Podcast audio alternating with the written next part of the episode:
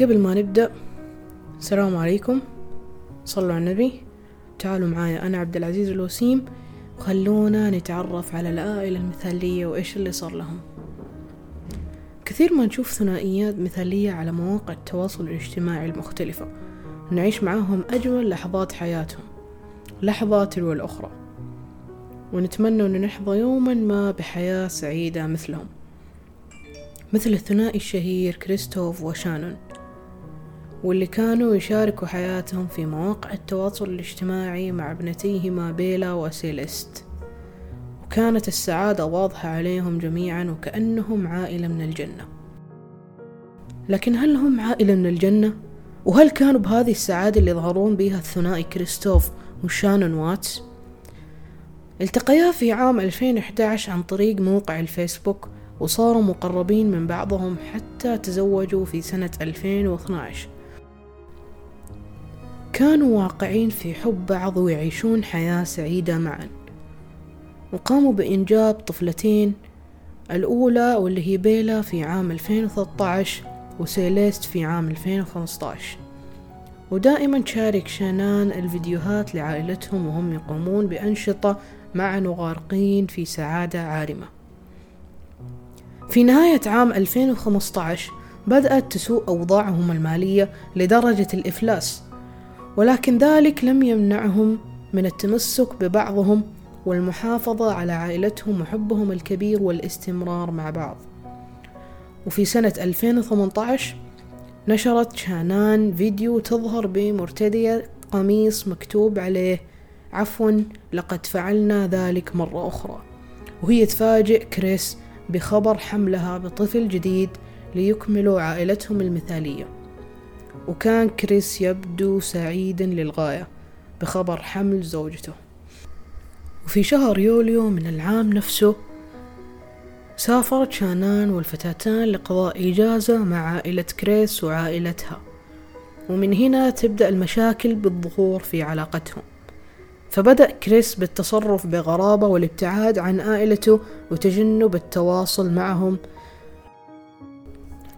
واللي خلى شانان تشعر بالحيرة بسبب تصرفه بهذا الشكل مع إنكاره الدائم بأنه يتجنبها ويبتعد عنها. ومع رجعتها من إجازتها إلى المنزل ترى أنه كريس يتجاهلها تماما ويتصرف بطريقة غريبة ومختلفة تثير الشك في داخلها وتضطر شانان للذهاب إلى رحلة عمل في شهر أغسطس من العام نفسه. وما زالت تلاحظ التغيير والابتعاد على الرغم من إنكار لذلك. ويزداد الشك لما عرفت أنه قام بتوظيف جليسة أطفال للجلوس مع أبنائه وخروجه من البيت لوقت طويل غير عادته. هنا جاء اليوم المشؤوم اللي تغير فيه حالة العائلة السعيدة إلى الأبد.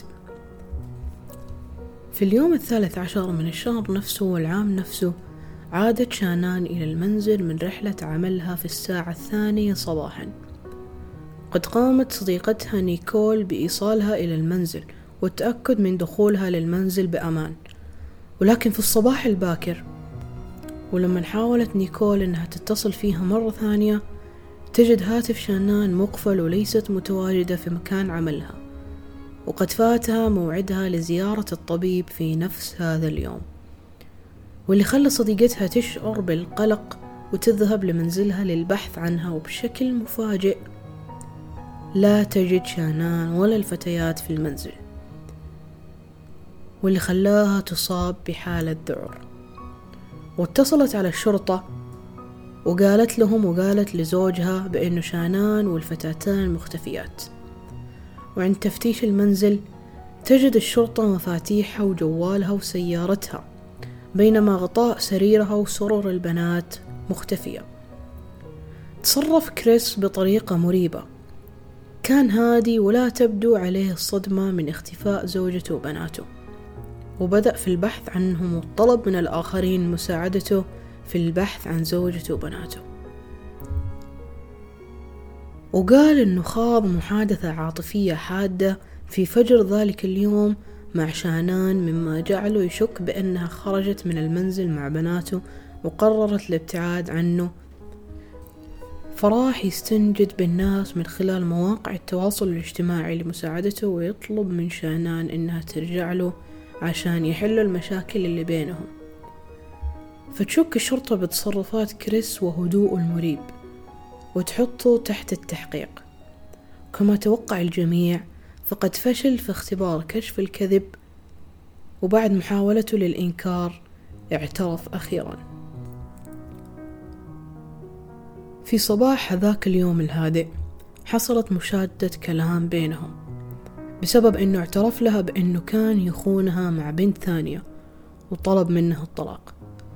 فعصبت عليه وبدأت تصرخ. قام هو وضربها وخنقها حتى الموت.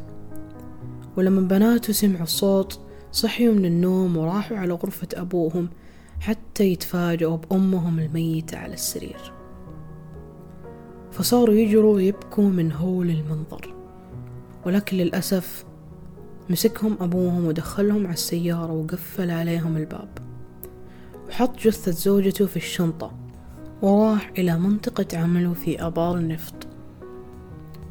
أول شي دفن زوجته وبعدها قتل بنته الصغيرة سيليست واللي كان عمرها ثلاث سنوات وبنته الكبيرة بيلا اللي كان عمرها خمس سنوات اللي كانت تغني قبل أيام مع جدها وجدتها.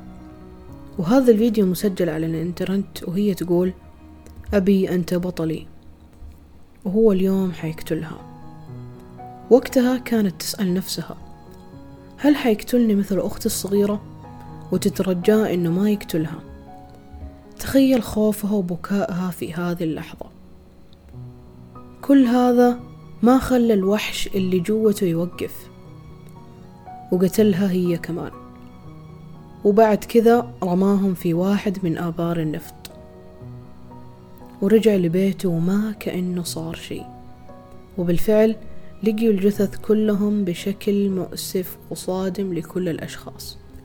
وتم الحكم على كريس بجريمة قتله لزوجته والجنين وبناته الاثنين مع السجن المؤبد دون إمكانية حصوله على إطلاق سراح. للمعلومية نزلت نتفليكس فيلم وثائقي في سنة عشرين عشرين يتكلم عن قصة عائلة واتس واسمه جريمة قتل في أمريكا. شكرا لكم على الاستماع. في أمان الله.